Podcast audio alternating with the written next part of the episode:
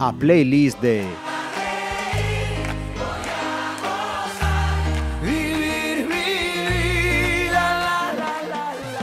Saludos a todos, bienvenidos a una nueva edición de La Playlist, el programa de Pontevedra Viva Radio en el que repasamos, junto con alguna persona conocida en esta ciudad, las canciones, esas canciones que han marcado su vida. Hoy nos visita una mujer que cuando estaba preparando esta entrevista me ha llamado la atención revisar en su perfil de Twitter, que se define como mujer, empresaria y madre.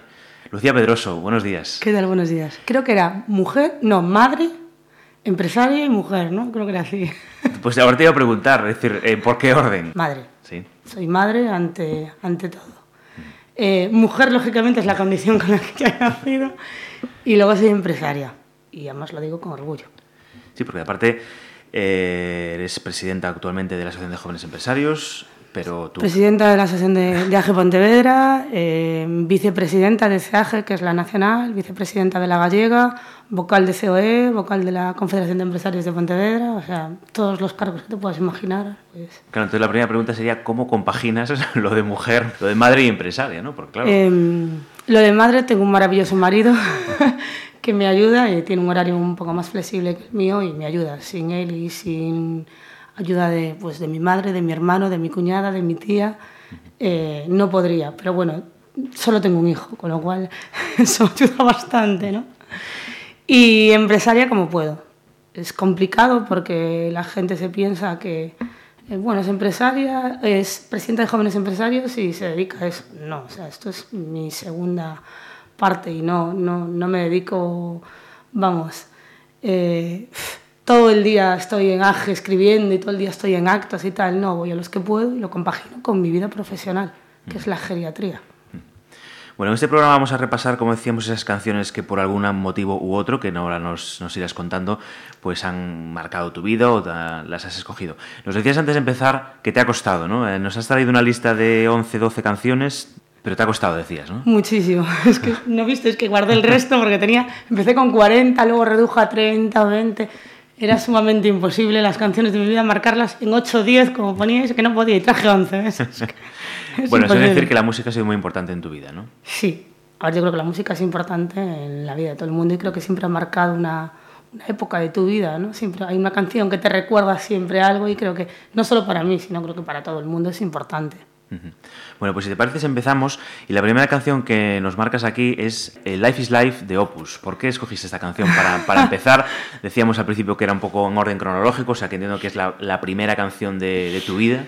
Puse esa canción porque mm, eh, me recuerda a cuando era pequeña. eh, mi familia materna es de un pueblo de, de La Lama, de Gasate, y mi madre, bueno, eran seis hermanos, de los que quedan cuatro, y el más pequeño de todos era mi tío Rodrigo.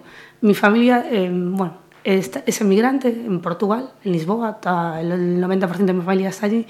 Y mi tío pues venía a los veranos y, y, bueno, pues algún puente o algo, algo que hubiese en invierno, ¿no? Y entonces en Gajate pues ponía esta canción. Y claro, yo no sé, debía tener 6 o 7 años, no, 8, no tendría más. Y me acuerdo, o sea, es que vamos, cantándola por casa todos, que yo no sabía ni quién era Opus ni nada por el estilo. O sea, que imagínate, mi tía era joven y la ponía, le encantaba. Y creo que es la primera canción que tengo ahí eh, guardada desde que era pequeña. O sea, me encanta, me, me emociona. Además, me, me parece bonita la canción, o sea, que, que me recuerda a eso. Bueno, pues vamos a escucharla y seguimos charlando en unos minutos. La,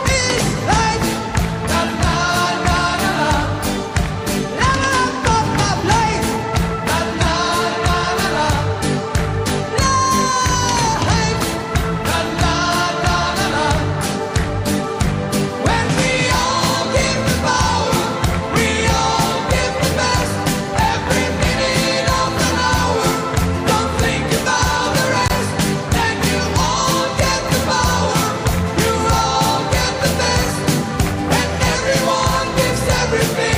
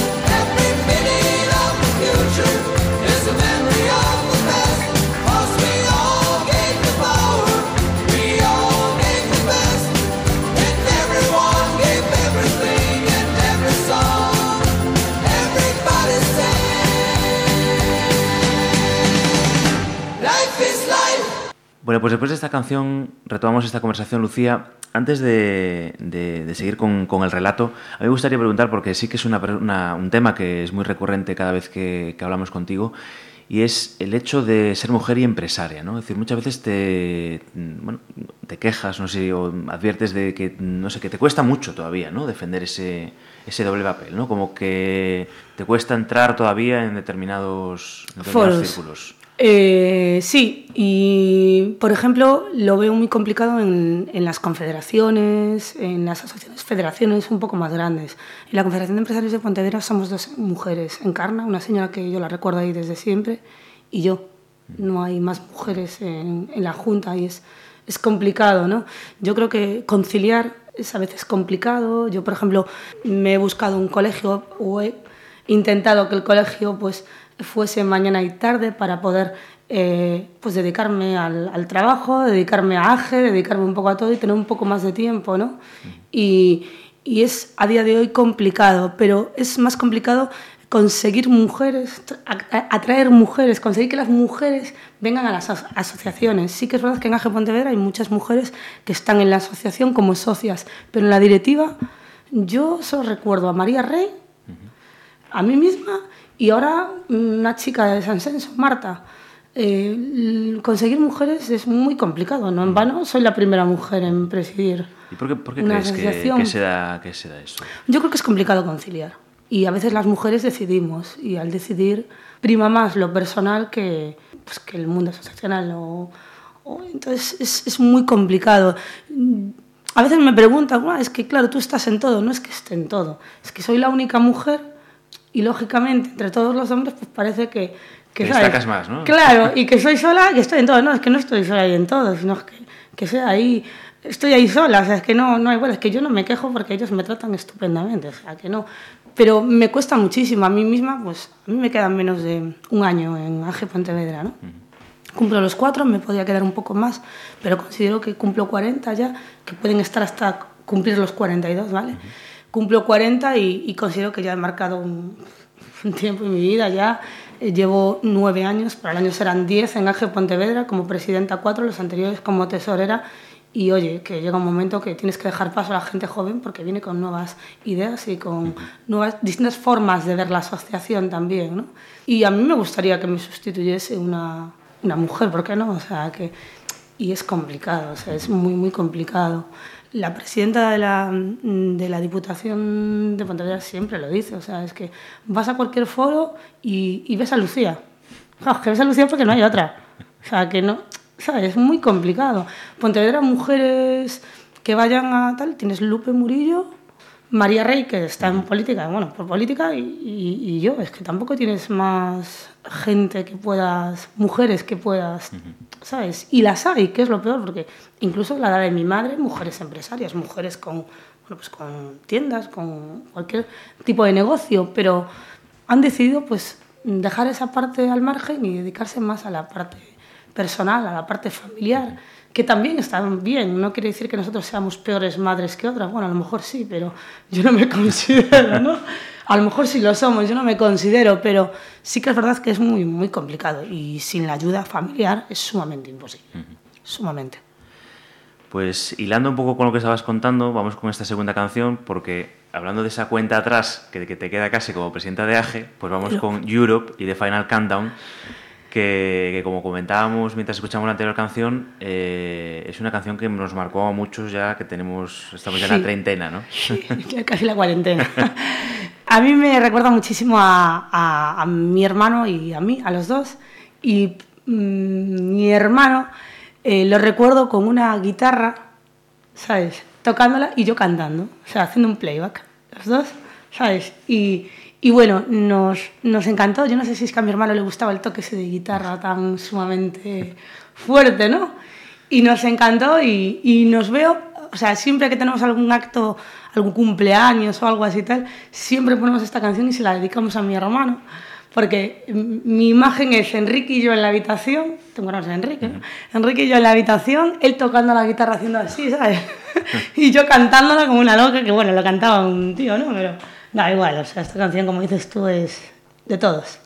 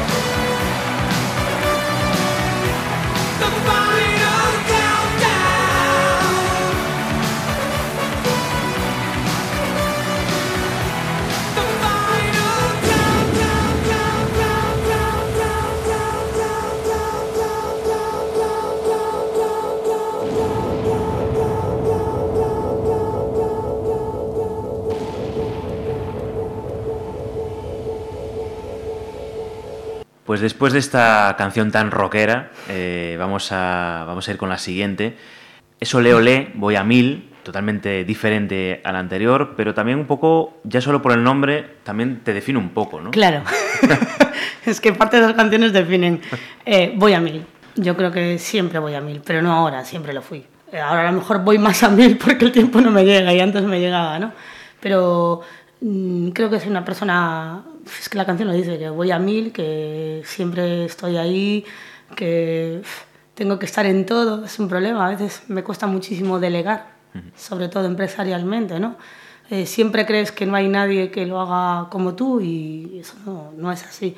Hay muchísima gente que, que, hace las cosas como tú y que no tienes que estar tú en, en, ese mismo lugar haciéndolo porque va a haber otra persona que lo está haciendo y eso es algo que me cuesta muchísimo. Cuando, falle, bueno, cuando falleció mi padre, ¿no? Eh, todo el mundo decía, bueno, ¿y ahora quién se va a dedicar a la empresa? Porque realmente el empresario era mi padre, ¿no? Nosotros éramos yo tenía 22 años y Enrique era mucho más pequeño. Decían, bueno, ¿y ahora quién se va a dedicar a la empresa? Porque, y, y claro, decías, wow, no hay sustituto. O sea, y siempre aparece alguien que te sustituye, o sea, nadie es imprescindible, ¿sabes? Que es a lo que me refiero. Y bueno, mmm, desde esa aún voy todavía más a mil. O sea, desde que cogí la empresa y me dedico a la empresa, voy más a mil. Y desde que estoy en AGE, ya voy a 2000. O sea, ya no voy a mil, voy a 2000. O sea, es, vamos, es todos los días algo, todos los días siempre, ¿sabes? Si tú quieres en Pontevedra y eres presidente de una asociación o alguien tal, pues siempre tienes una invitación encima de la mesa. A veces dices, bueno, pues hoy quiero llegar a mi casa a las 8 y ver a, al niño, pues que acostarlo, todo lo que mucha gente hace y me es a veces muy complicado. A veces veo a mi hijo por la mañana a las 9 y media cuando lo dejo en clases y lo dejo yo y a veces llego a mi casa a las 10, 10 y media, 11 y ya no veo al niño porque es que el niño está durmiendo, ¿no? Y a veces dices, bueno, pues elijo este acto, este no y tal, pero siempre tienes alguien que te llame, oye Lucía, si puedes venir y tal. Y claro, ¿sabes? Me da como ese rollo y digo, sí, oye, si me lo pide y tal, pues voy y tal. Y me cuesta, me cuesta mucho eh, a veces eh, llegar a casa temprano y a veces mi marido y el propio niño, mami, vienes y tal, no sé qué, yo sí voy. Y luego compaginar laboralmente. Yo me dedico a la geriatría los geriátricos funcionan sin mí, los centros de día, las residencias, todo funciona sin mí, porque si funcionara conmigo sería... Pero funciona, pero oye, tú siempre tienes que ir, tienes que hacer facturación, tienes que firmar, tienes que hacer cosas, ¿no? Y entonces el coche para mí es básico, voy de un lado a otro, siempre en coche, hacen, hago 40.000 kilómetros al año, o sea, muchísimo, y voy corriendo de un lado a otro casi siempre sin, sin parar, o sea, es, voy a mil, o sea, tú lo has dicho que merece. Pues vamos a escucharlo en Venga, Ole Ole. Perfecto.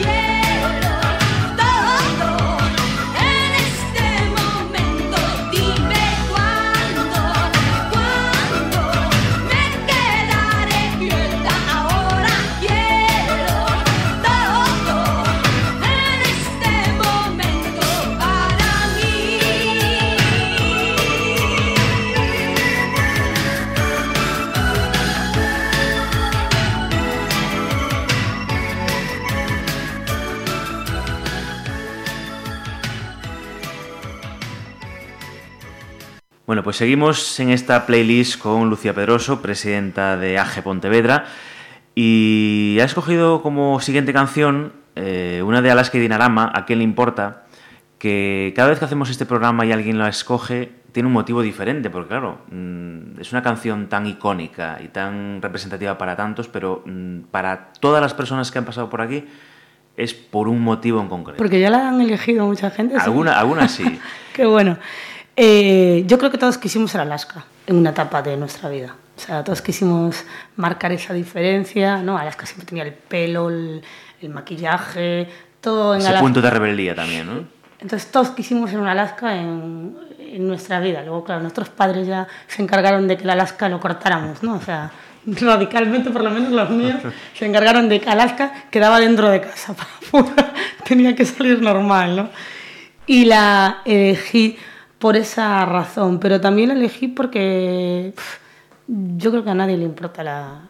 mm, A quién le importa lo que yo haga, ¿no? O sea, creo que cada uno debe vivir su vida y no importarle para nada lo que los demás digan. Bueno, depende lo que, ¿no? Pero creo que cada persona debe vivir su vida y sin complejos, tal y como es, y no importarle absolutamente eh, nada de lo que digan los demás. Muchas veces vivimos condicionados, sobre todo los que estamos en, eh, socialmente eh, un poco relevantes, ¿no?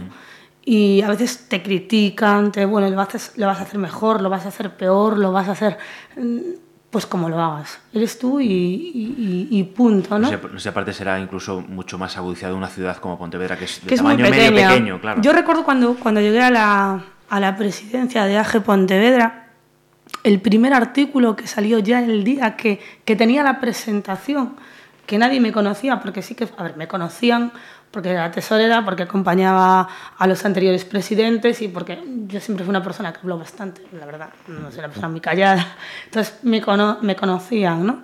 Pero recuerdo el primer artículo que me dieron a leer los chicos de AGE y ponía que era la primera mujer que, que, que entraba en la, en la patronal pontevedresa y que a ver si conseguía hacerlo por lo menos, por lo menos, la mitad de, lo, de bien que lo había hecho mi antecesor. Entonces, coño, pues sí que me conoce. O sea, ¿cómo Y puedes estamos a- decir? que estamos hablando de hace cuatro años. Estos son hace tres, tres, para el año cuatro.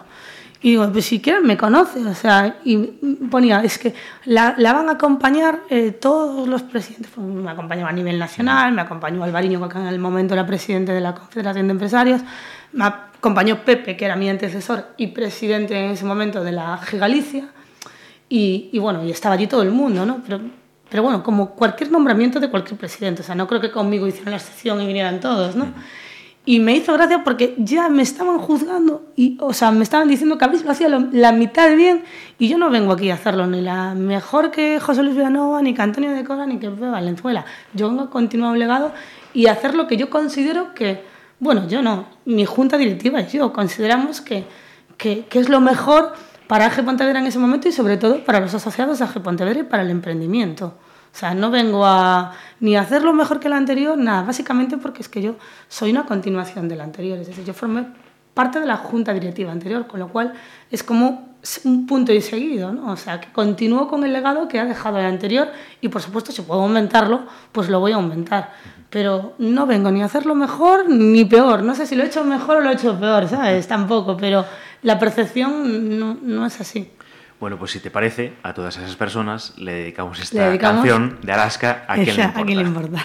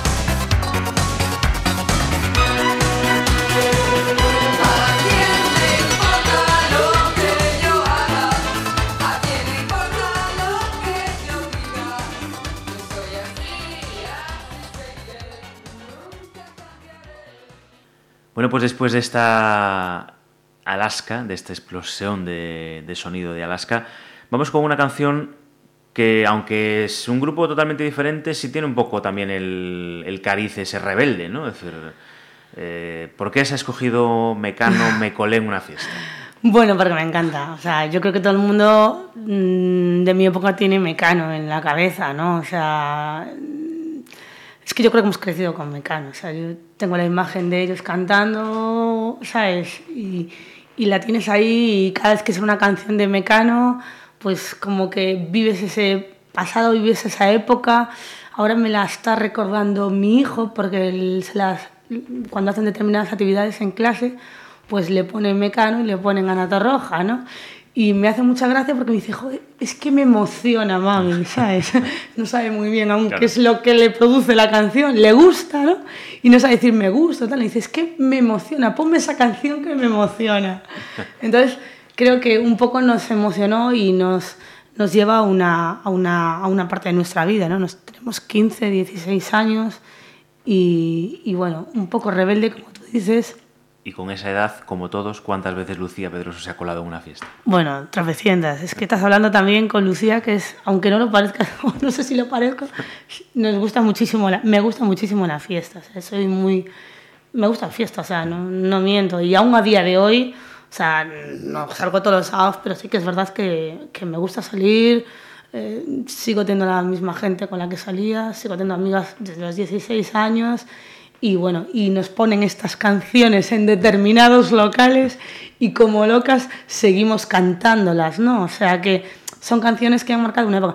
Y, y yo veo que la gente que viene detrás, a lo mejor mi hermano no, pero su novia, por ejemplo, Paula, pues sí que es verdad que le pone estas canciones, tienen otra edad, pero también las siguen conociendo y las siguen cantando. O sea que Son, canciones, ya casi atemporales, ¿no? Que Exacto, que convertido con el paso del tiempo no, no pasan de moda. O sea, te gustan, habrá gente que no le guste, lógicamente que no le guste Mecano.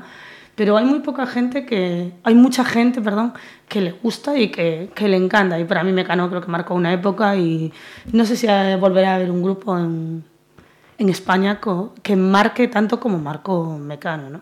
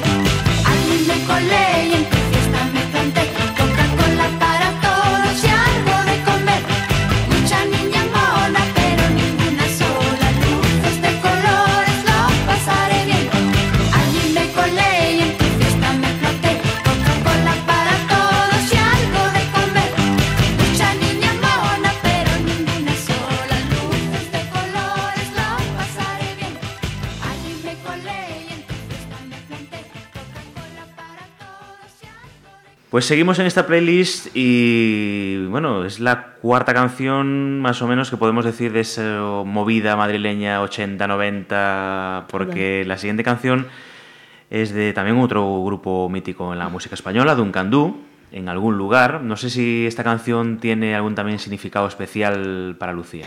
Eh, me encantaba Miquel Erencho, con el diente partido y con todo. Creo que Miquel Erencho fue también un crack, o sea, nos O sea, que más que encantaba. significado sería un amor platónico, ¿no? Yo creo que a todas las mujeres nos encantó Miguel Erenchu y fíjate tú que lo conocí en esta plaza y con veintimuchos años y me hizo una ilusión tremenda ponerme a su lado, sacarme una foto y bueno, y tomarme algo con él, fíjate. O sea que eh, no es- Dukan Dun también fue un grupo muy, muy bueno y en algún lugar creo que es una canción. Pero bueno, me gusta La Casa Azul, me gustan eh, todas las canciones casi de Duncan Du. Es que claro, vuelvo a mi época, 16, 16 17, o sea, esa época de... ¿Fuiste muy fan en, esa, en esas edades? Sí, fui fan, bastante fan y vuelvo a decirte que físicamente nos parecía con el diente roto, que yo creo que en aquella época todo el mundo se quería romper el diente, y bueno, a romper el diente, déjate de tonterías. Es como la época de quiero un tatuaje, ¿no? Pues, pues igual, la de Dungan Du, yo había gente que decía, es que romperse el diente, yo cómo vamos a rompernos un diente por un cantante, en mi casa me, me matan. Y, y bueno, creo que fue un cantante que nos marcó a todas a un a día de hoy lo es y no es un, es un tío feo ni nada por el estilo, es un tío muy atractivo, que además que acabo de ver un programa en Antena 3, que no sé si lo... Y lo, lo llevaron a él y sigue cantando igual de bien, o sea que, a ver, tiene edad, pero como la tengo ya, lo que pasa es que uno a sí mismo no sabe cómo pasan los años, ¿sabes? Ves cómo pasan los años en los demás y dices, coño, este qué viejo está y tal, este coño, y tú igual que vas a cumplir 40, pero no lo ves, ¿no? En los demás. Y bueno, es, es un cantante que me gusta muchísimo y creo que esa es para mí su canción más, más significativa, que más me gusta a mí.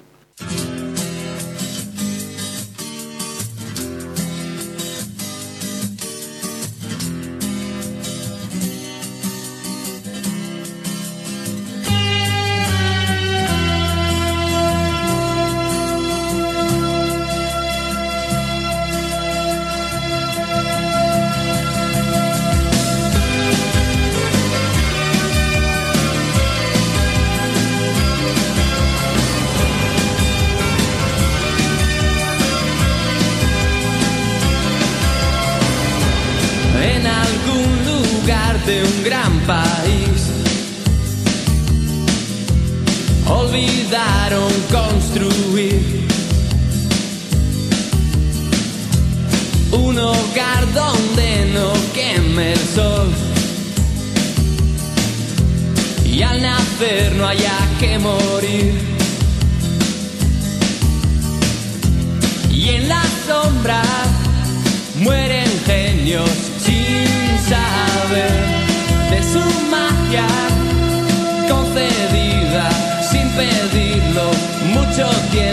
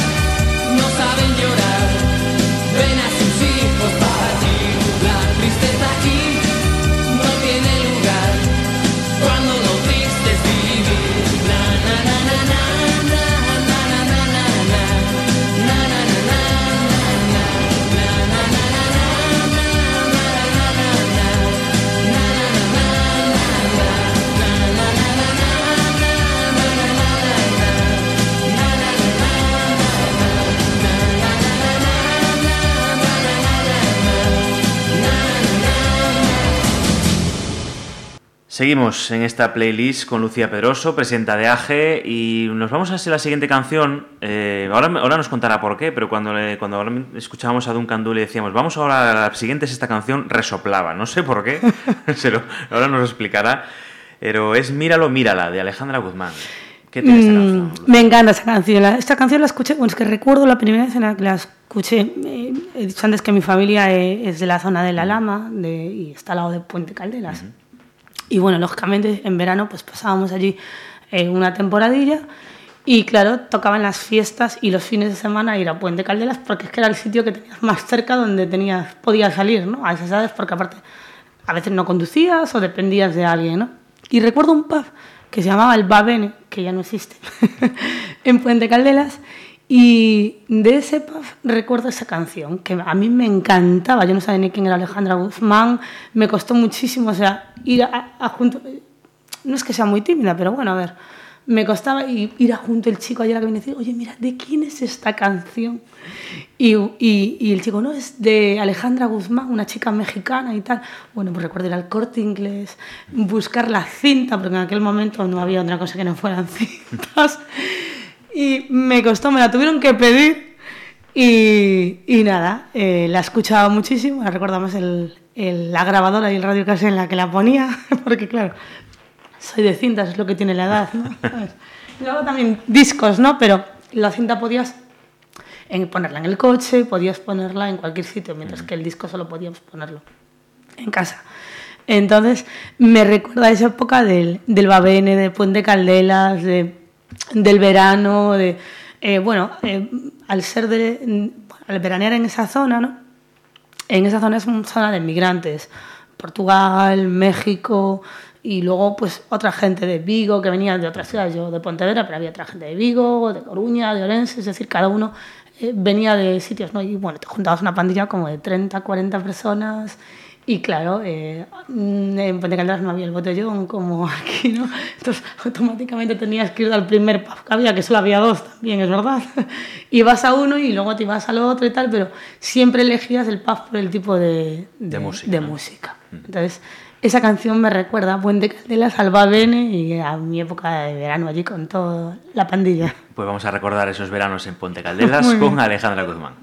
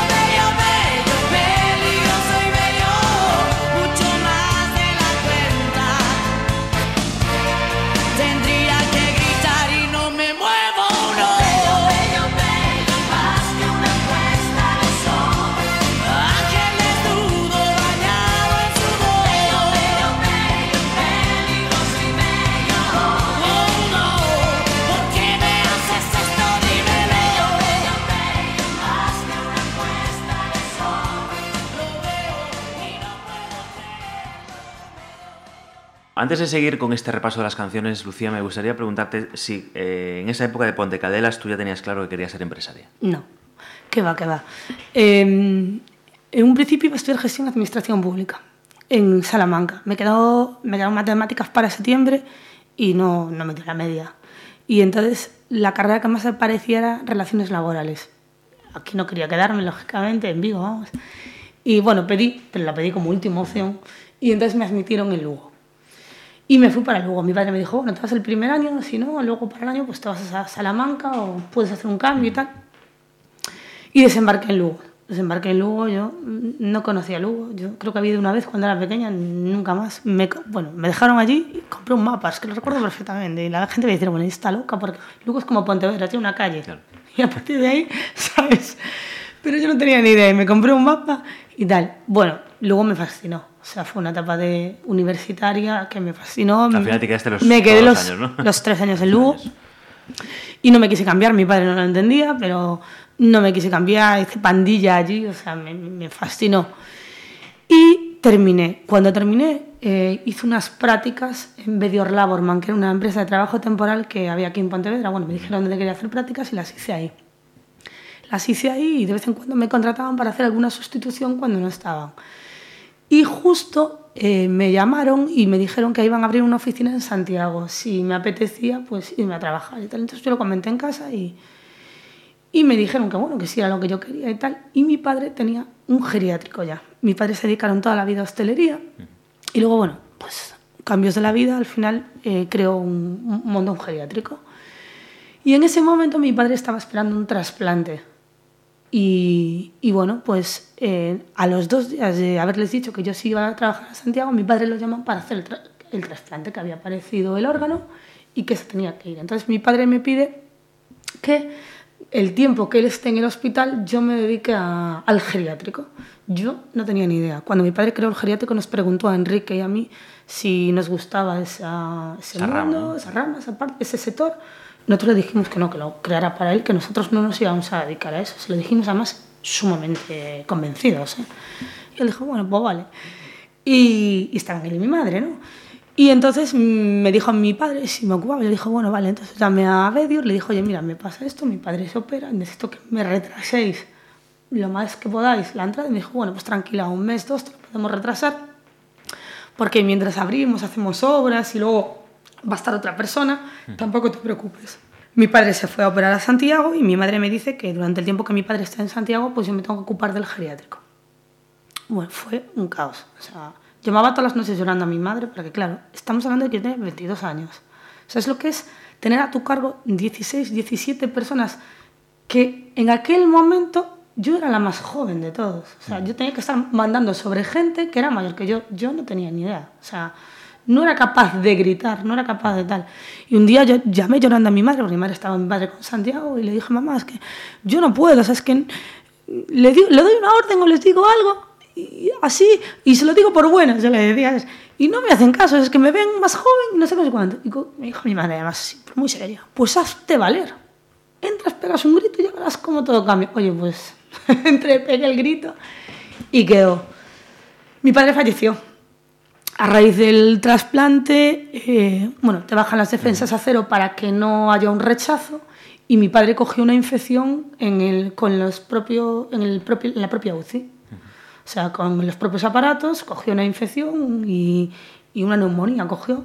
Y claro, con las defensas a cero, mi padre no consiguió eh, superarlo. El trasplante le había salido bien, pero no consiguió superar la neumonía y mi padre fallece. Entonces, claro, nos sentamos después de que mi padre fallezca y mi madre dice que qué hacemos. Y yo digo, "Uf, no tengo ni idea, yo iba a trabajar en otra cosa, yo no sé y tal. Y me digo, bueno, pues dejarlo y, y no sé si irnos a Lisboa, porque mi madre, claro, como tiene toda su familia allí, ¿no? Era quizá lo más tal. Y yo, y yo claro, pensé y le dije, pues también tirar lo que papá hizo, o sea, no, no tiene sentido, ¿no? Y dijo, bueno, ¿y tú te ves capacitada y tal? Y yo, yo no sé si me veo capacitada, pero porque yo no tenía ni idea de lo que era un o sea, ni de normativa ni de nada. Y le dije, bueno, pues vamos a intentarlo, ¿no? Lo intenté, saqué adelante ese centro y bueno, hoy en día tenemos más centros, no, no solo ese, y, y mi hermano también no quería dedicarse.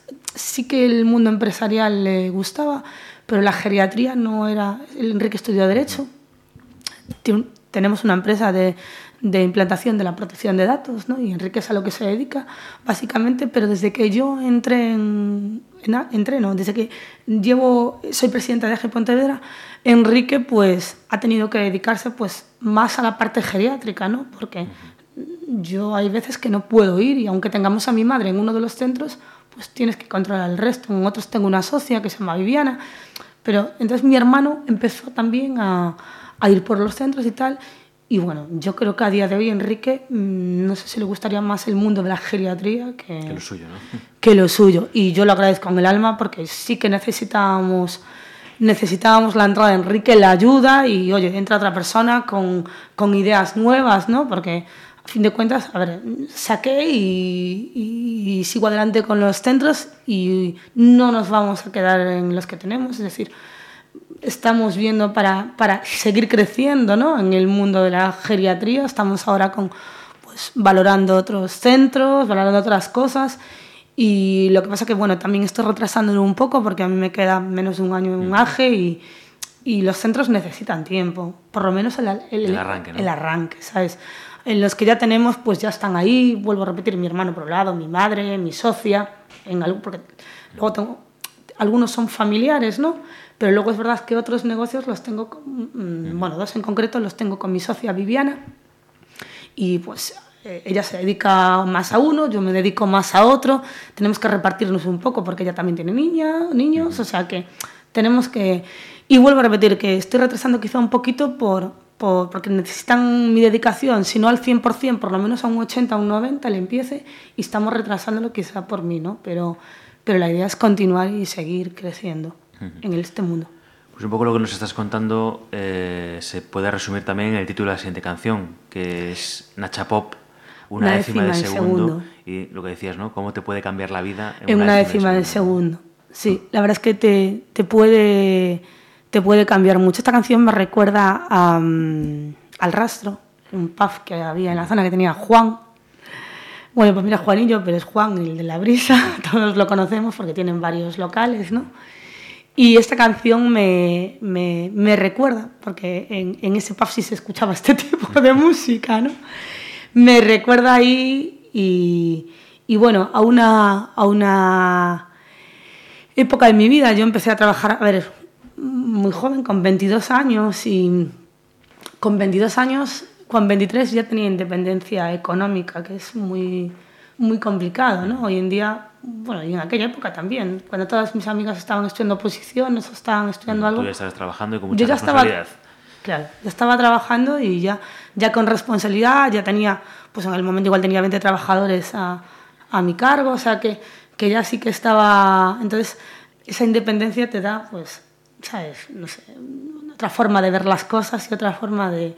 Me acuerdo de esa época por eso y bueno, porque aquella época además no tenía novio y bueno, con varias amigas nos íbamos un fin de semana a Lisboa, otro fin de semana a Madrid, ¿sabes? Otro fin de semana a Coruña, bueno, nos daba igual un poco.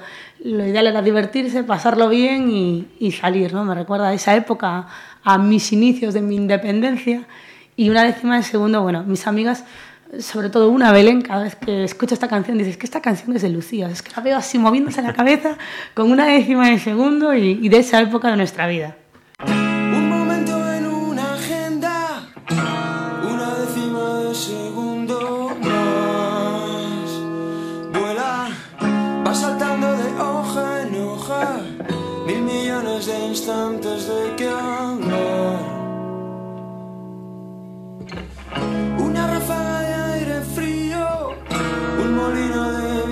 Hace girar. Sigue, va rodando sobre su eje, describiendo una trayectoria más. Es que no hay nada mejor que imaginar,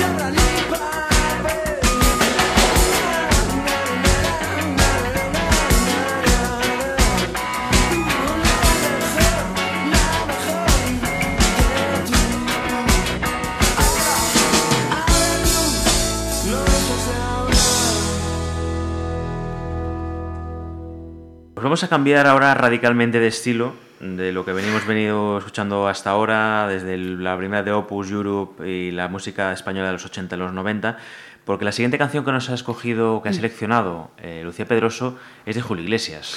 ¿Por qué?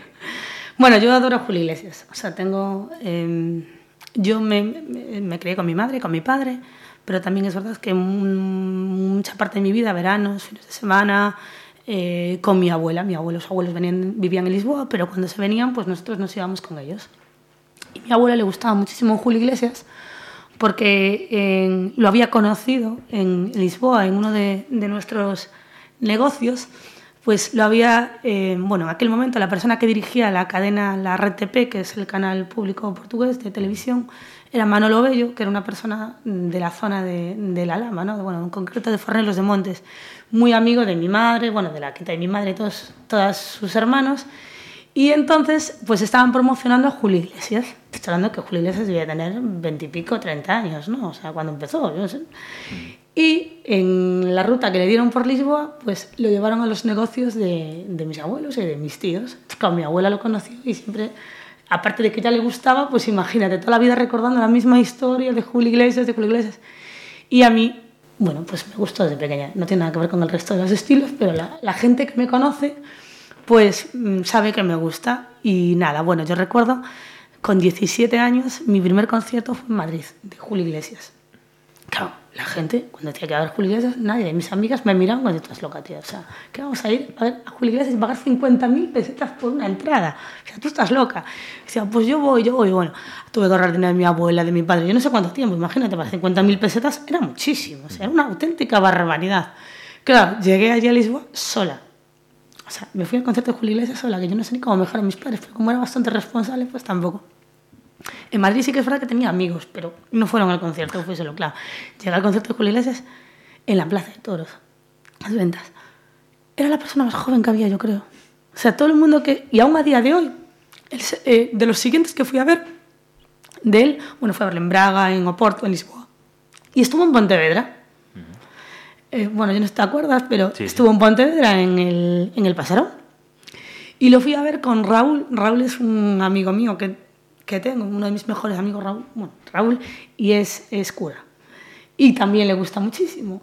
Y entonces me dijo, oye Lucía, yo voy contigo, no sé qué y tal. Y, y nada, nos lo fuimos a verlo la siguiente vez, creo que fue la segunda, aquí en Montevera. Y a partir de ahí, sí que es verdad que el público de gente que va al concierto de Julio Iglesias es quizá un poquito mayor que yo, 50 y pico, igual 60 y tal pero me sigue encantando.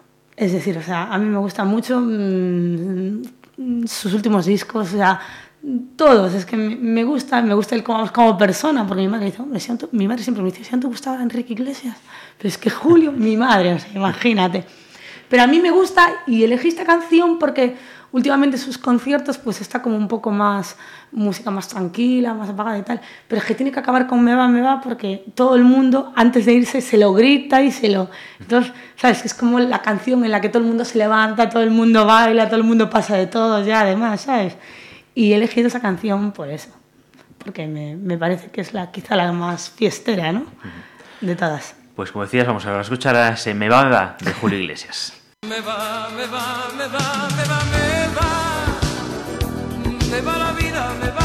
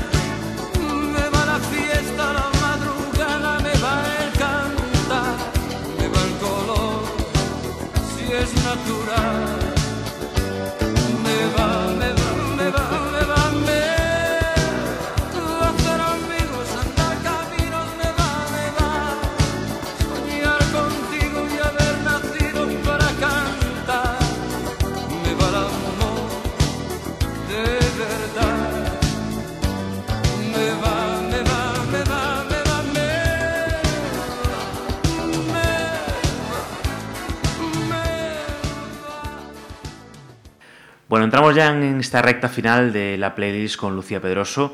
Nos quedan tan solo dos canciones. Y me gustaría preguntarte antes, o no me, no me gustaría terminar el programa sin preguntarte eh, si aparte de estas inquietudes empresariales que has demostrado durante todos esos- estos años, eh, ¿también te pica el mundo de la política o no? ¿Veremos algún día a Lucía Pedroso en la política o esta- no? No podéis en esta pregunta, ¿no? Eh, yo creo que siempre me picó el, un poquito el mundo de la política. O sea, mentiría si dijese que no, y creo que además es herencia paterna, porque mi padre en algún momento fue concejal y, y me picó. Eh, pero también te digo que a medida que la voy conociendo, desde que estoy en AGE, cada vez me, Te gusta menos, ¿no? me gusta menos. O sea, y si me preguntas a día de hoy, te digo que no. O sea, que no me veo, eh, no, no me siento identificada con, y bueno, voy a hablar a nivel local, no me siento identificada con ningún equipo que en este momento esté, esté en Pontevedra, con ninguno. No sé si el día de mañana me voy a sentir algún día identificada con alguien, con un proyecto que me guste, con un equipo que me guste. No lo sé, no te podría decir que no. Pero en este momento no, no me siento identificada. He tenido mm, algunas ofertas, no sé si tengo ofertas, pero unos ofrecimientos, y, y les he dicho que no, que en, en este momento quiero crecer eh, empresarialmente y creo que mm, lo necesito yo interiormente y, y me apetece, hombre, mm, te diría que me apetece ser un Freud de la vida o un Amancio Ortega, ¿no? Cosa que no creo que sea probable, ¿no? Nunca se sabe, pero no creo que sea probable, pero sí que es verdad que me apetece crecer más y me apetece tener eh, más de lo que en este momento tengo empresarialmente y no sería compatible con la política y no sería justa ni con mi familia tampoco ni, ni, ni con los negocios. O sea que no lo sé. Te digo que no a día de hoy y creo que todos los que hemos pasado por AGE o por alguna asociación, creo que en el fondo tienes ese puntito Ese de... gusanillo, ¿no? Es Sí, ese puntillo de que... mm, ¿Por qué no? no? O sea, ¿por qué no? Y de hecho, al estar en los medios, y al estar en todo, pues sí que es verdad que la gente te ve y, y te dice, oye, mira, ¿por qué no tal? Eh, pero hasta ahora he dicho que no. Me he negado básicamente también porque no era el, El momento, quizá. no era el momento ni eran los partidos por los que yo eh, podría, ¿no? Porque dentro, lógicamente, luego, yo, aunque sea política en Ángel, personalmente tengo mis ideales políticos. Gusten más, gusten menos. Y a lo mejor, igual, hasta fíjate que no los tengo tan definidos. Creo que es- sí que creo que es. Sé que soy de derechas, lo tengo bastante claro, ¿no? Me identifico más con la derecha, pero también hay cosas de la izquierda que me, que me gustan. O sea, que hay cosas que. Considero que hay gobiernos de derechas que han hecho cosas muy buenas, pero hay gobiernos de izquierdas. Yo, por ejemplo, en servicios sociales siempre digo que en la época del bipartito, en ese momento llevaba Anso Quintana, ¿no? Servicios sociales, hizo una renovación muy, muy fuerte dentro de servicios sociales, ¿sabes? O sea, que cambió, que todo, o sea, cambió el sistema, la consejería, que hizo algo muy bueno. El PP, en la época de derechas, el PP pues también sacó el cheque asistencial, es decir, cada uno tuvo una época, eh, hablo de servicios sociales porque es a lo que yo me dedico, ¿vale? No, cada uno tuvo una época muy, muy buena y, y me quedo con cada época, una época de cada uno, pero no, no creo que yo me dedique a la política. Aquí hay apuestas. O sea, todo el mundo tiene una apuesta de que yo sí me voy a dedicar. O sea, todos. O sea, desde mi junta directiva, lo primero que me dicen es, bueno, ya tienes ofrecimiento. Espérate, que te queda un año, ya está la gente, no sé qué tal. No, me- mi madre se disgustaría muchísimo y no me gustaría que se disgustase, pero mi madre se disgustaría muchísimo porque mi madre considera, pero bueno, mi madre también quiere que nos quedemos en la empresa tal y como estamos y que no sigamos creciendo, ¿no? Que con lo que tenemos nos llegue, ¿no? Pero vuelvo a repetirle, cada vez que la conozco me gusta menos, me parece que la gente se pelea en exceso, no me gusta ese, típico, ese tipo de política que estás criticando lo que continuamente el otro hace, eh, no, es que este está no sé qué, no, es que este no sé qué, no, coño, no te dediques a ese tipo de política. No, no critiques, por lo menos aporta o haz tú algo distinto pero no estés ahí siempre peleándote y siempre llevando mal. Y vuelvo a repetir, no me siento identificada en este momento con nin- ningún e- equipo de, de los que están en Pontevedra, con ningún partido. No te sientes identificada con ningún equipo, pero sí con la siguiente canción, imagino, porque la has escogido tú, que es La Quinta Estación, El Sol no regresa. Eh, el sol no regresa, bueno, a mí me parece que es una canción de la quinta estación. Es, bueno, es un grupo que se ha tenido que ir a México para, para sobresalir. ¿no? Y les conocimos, pues son madrileños, pero estuvieron en México y allí fue donde realmente se hicieron famosos y llegaron a España. O sea, mira qué triste que tengas que ir, ¿no?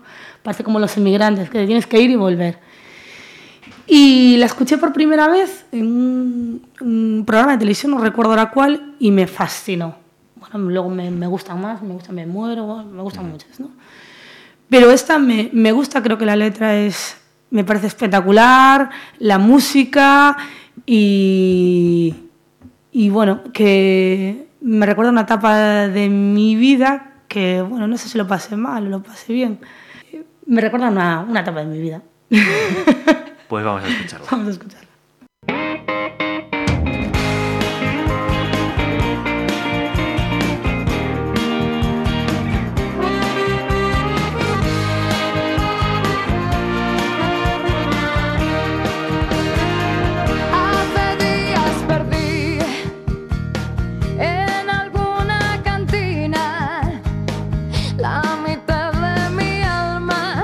Alma, más el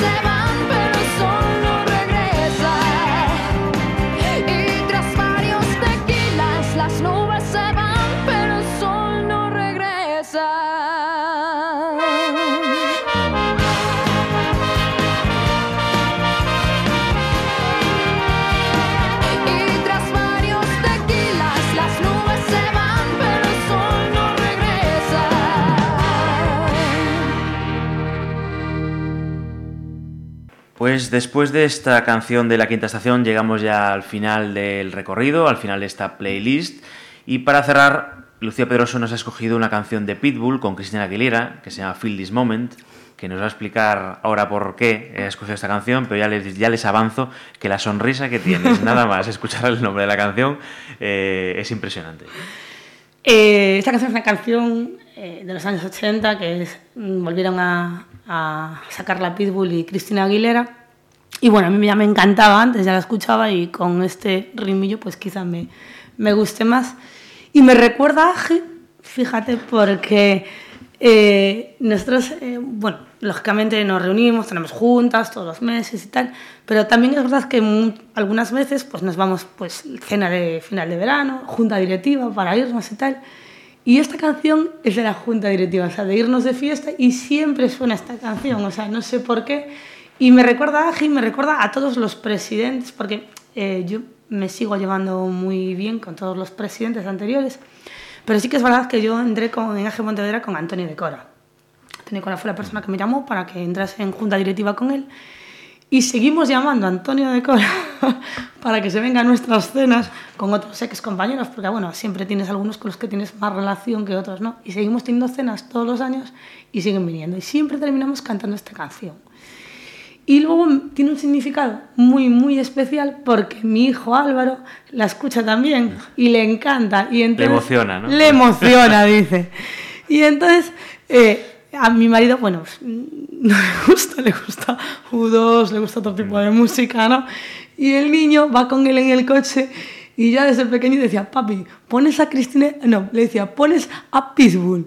Y el padre decía, Álvaro, claro, se metía con él y decía, Álvaro, Pitbull es un perro, una raza". No, papi, es un cantante, le decía. Y canta con una chica, una tal Lera, que era Cristina Aguilera, ¿sabes? Y claro, desde esa, pues nos encanta, o sea, la ponemos siempre. Él, como dices tú, me emociona, porque lo dice además, ¿sabes? Me emociona. Y bueno, la canción me parece muy buena y, y- y creo que para el broche final, pues esta canción está estupendísima. No sé si también el nombre de esa canción es- resume un poco la filosofía de, vida, de, vida, de vida ahora mismo de Lucía, de aprovechar el momento de, de vivir ese el día a día. ¿no? A ver, creo que sí. Yo creo que cumplo 40 años este año. y creo que, que, bueno, que ves cosas a veces. mm, Hace poco falleció una persona muy conocida, mm, sabes, muy cercana a mí, con muy pocos años, 30 y pico. Y no sé si son los años, no sé si nos pasa a todos, igual a ti también te pasa. Pero dices, Dios mío, eh, vamos un poco a vivir y vamos un poco a hacer lo que nos apetece, ¿no? Y no estar ahí pendientes de. Porque en cualquier momento puede pasar algo y te vas, que tampoco puedes vivir así, ¿sabes? Porque dices, Dios mío, si vas a estar viviendo pensando que te va a pasar algo, es que no vives. O sea, no. Pero eh, vive el momento, intenta hacer lo que puedas. Voy a cumplir 40 años. ¿sabes? y, y intento ya un poco eh, hacer lo que un poco lo que me apetece y lo que me, me guste. Quizá a veces mm, la gente no espere de mí determinadas cosas pero es que ya sabes he hecho lo que lo que todo el mundo quería o consideraba que era eh, lo bueno no y a veces también te apetece vivir un poco y, y hacer un poco ya lo que te apetece. Aunque vuelvo a repetir que yo siempre bastante hice lo que me dio la gana. O sea que no no soy de las personas que siempre me dejo aconsejar, pero sí que es verdad que siempre he marcado yo los tiempos y siempre he, vivido el momento como yo consideraba que era el mejor y, y lo que yo consideraba. Siempre pensándolo, porque pienso muchísimo las cosas, pero haciendo lo que consideraba que era lo mejor en ese momento, para, tanto para mi vida personal como asociacional como profesional. Lucía Pedroso, muchas gracias por dejarnos entrar en tu intimidad a través de la a música. a vosotros, muchas gracias. Con esta canción, Feel This Moment de Pitbull y Cristina Aguilera, nos despedimos en esta playlist. Volvemos la semana que viene. Ask for money and get advice. Ask for advice, get money twice. I'm from the dirty, but that Chico nice. Y'all call it a moment, I call it life. One day while the light is glowing,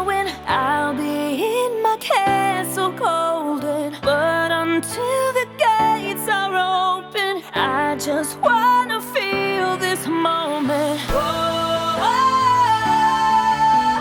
I just wanna feel this moment. Oh, oh, oh. I just wanna feel this moment. Miss Worldwide, Christina Aguilera. Oye, mamita, dale, que la cosa está arriba.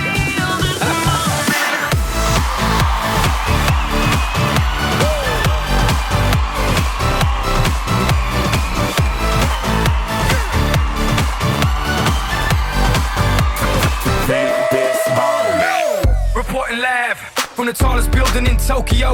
Long way from them hallways. Filled with O's and O's. They counting always. Real fat all day. Now, baby, we can parlay. Oh, baby, we can party.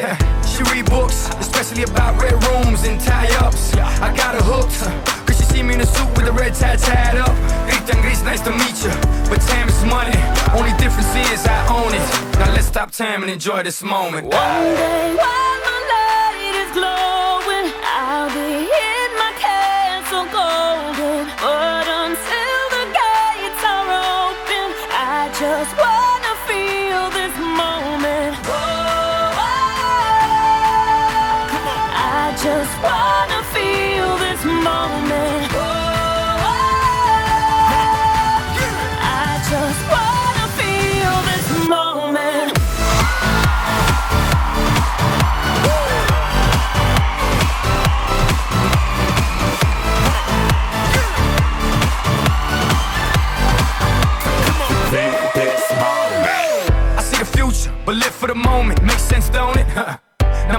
dollars, I mean billions. I'm a genius, I mean brilliance. The streets is what schooled them and made them slicker than Slick Rick the ruler. I've lost a lot and learned a lot, but I'm still undefeated like Shooter. I'm far from cheap. I break down companies with all my peeps. Baby, we can travel the world and I can give you and all you can see. Time is money, only difference is I own it. Like a stopwatch, let's stop time and enjoy this moment, darling. One day while my light